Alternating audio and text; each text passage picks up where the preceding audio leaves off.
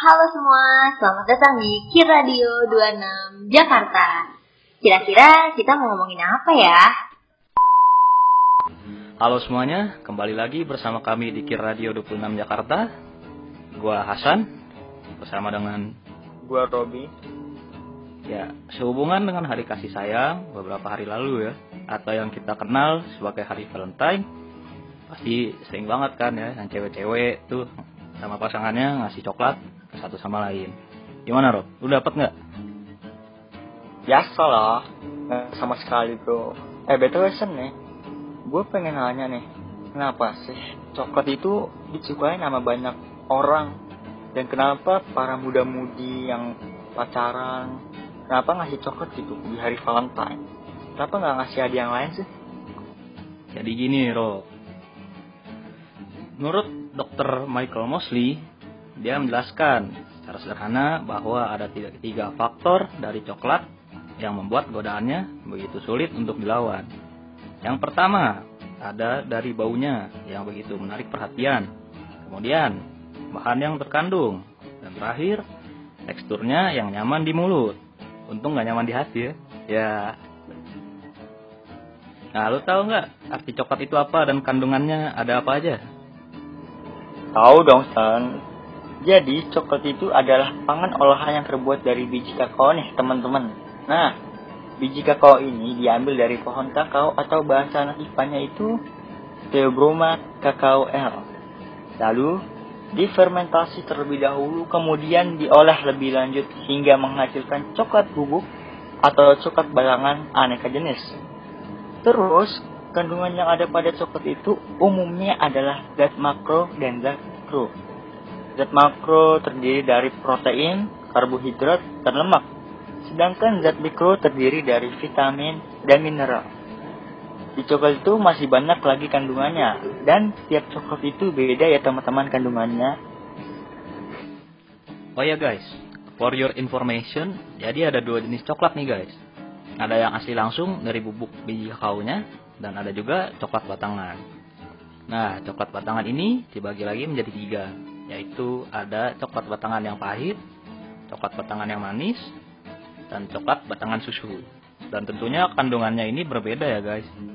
Yang pertama, nilai kandungan coklat batangan pahit. Terdiri dari 504 kilokal energi, 5,50 gram protein, 52,90 gram lemak, 29,20 gram karbohidrat, 98 mg kalsium, 446 mg fosfor, 4 mg zat besi, 60 IU vitamin A, dan 0,05 mg vitamin B1. Yang kedua, kandungan coklat manis batangan, yaitu 472 kilokalori yang terdiri dari 2 gram protein, 29,80 gram lemak, dan 62,70 gram karbohidrat. Coklat manis juga memiliki kandungan yang berbeda pada beberapa jenis mineral dan vitamin. Nilai kandungan vitamin di dalam coklat manis batangan yaitu 63 mg kalsium, 287 mg fosfor, 3 mg zat besi, 30 IU vitamin A, dan 0,03 mg vitamin B. Dan yang terakhir ada coklat susu batangan mengandung energi sebesar 381 kilokalori untuk setiap 100 gram coklat susu. Nilai kandungan coklat susu di antaranya adalah 9 gram protein, 35 gram lemak, 53,60 gram karbohidrat, 200 mg kalsium, 200 mg fosfor, 2 mg zat besi, 30 mg vitamin A, dan 0,08 gram vitamin B. Nah, karena kita udah ngasih tahu kandungan-kandungannya nih, sekarang kita pengen ngasih tahu apa aja manfaat dan dampak mengkonsumsi coklat nih, teman-teman. Kita mulai dari manfaatnya dulu ya. Jadi, manfaat coklat tuh sebenarnya ada banyak banget loh. Tapi kali ini, gue bakal ngasih tahu ke kalian manfaat inti dari coklat. Yang pertama, coklat menghambat penuaan. Coklat mengandung antioksidan alami yang berfungsi untuk menghambat kerutan prematur atau garis yang menunjukkan penuaan di wajah kita. Yang kedua, coklat sebagai antidepresan. coklat bisa membantu mengurangi rasa stres yang muncul di keseharian kita nih. Hal ini karena coklat mengandung serotonin yang merupakan antidepresan alami. Yang ketiga, mencegah penyakit jantung. Sebuah coklat batangan dapat membantu untuk mencegah penyakit jantung karena mengandung beberapa bahan kimia yang membuat sistem kardiovaskular berjalan lancar, terutama dark coklat yang dapat mengurangi risiko serangan jantung dengan persentase hampir 50% dan koroner sebesar 10%. Jadi bukan mas, bukan sebuah masalah nih mengkonsumsi sepotong coklat sehari-hari. Yang keempat, mempertajam fungsi otak.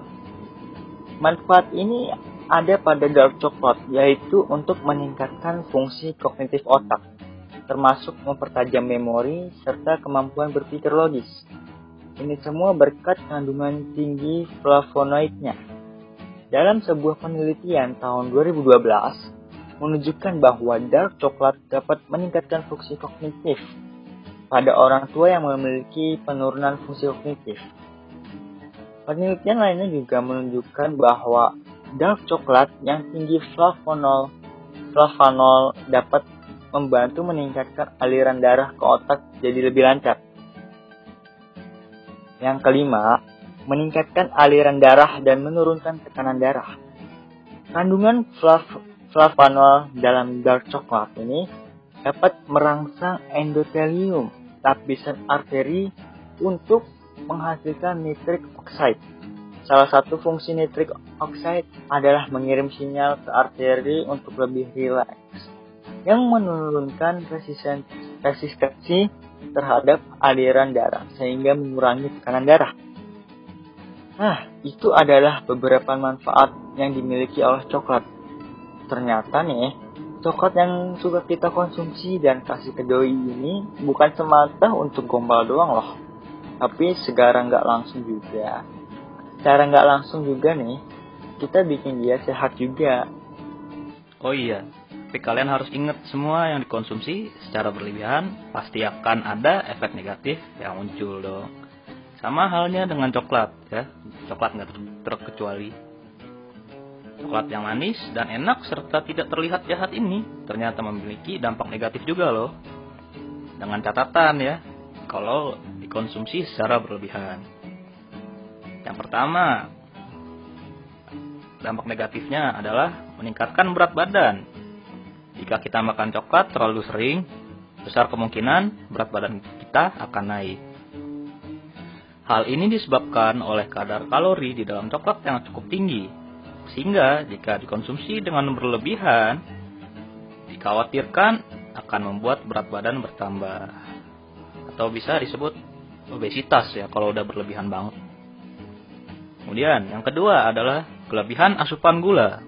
Mengkonsumsi produk coklat yang kaya akan kandungan gula bisa menyebabkan dampak kesehatan yang kurang baik, seperti memicu gigi berlubang, penyakit gusi, atau bahkan diabetes. Kemudian yang ketiga, menimbulkan gangguan pada organ pencernaan. Di dalam coklat terdapat kandungan kafein, yaitu kandungan yang juga bisa ditemukan di dalam kopi. Kafein ternyata bersifat stimulan bagi usus. Hal ini berarti jika dikonsumsi secara berlebihan bisa menyebabkan iritasi pada usus besar hingga memicu diare. Coklat juga bersifat asam, yang tentu akan membuat lambung mengalami peningkatan produksi asam lambung. Wah, serem juga ya dampak coklat jika kita mengonsumsinya secara berlebihan. Yuk, teman-teman, mulai sekarang kita rem-rem lah kebiasaan ngambilin coklatnya. Apalagi di bulan ini ya, bulan Februari, makanan manis-manis seperti coklat diskon di mana-mana ya. Itu yang couple-couple uwan itu ya jangan berlebihan lah pokoknya ya. Ya boleh makan ya asal jangan berlebihan. Ya sekian untuk podcast kami kali ini. Sampai jumpa di episode berikutnya. Bye bye bye teman-teman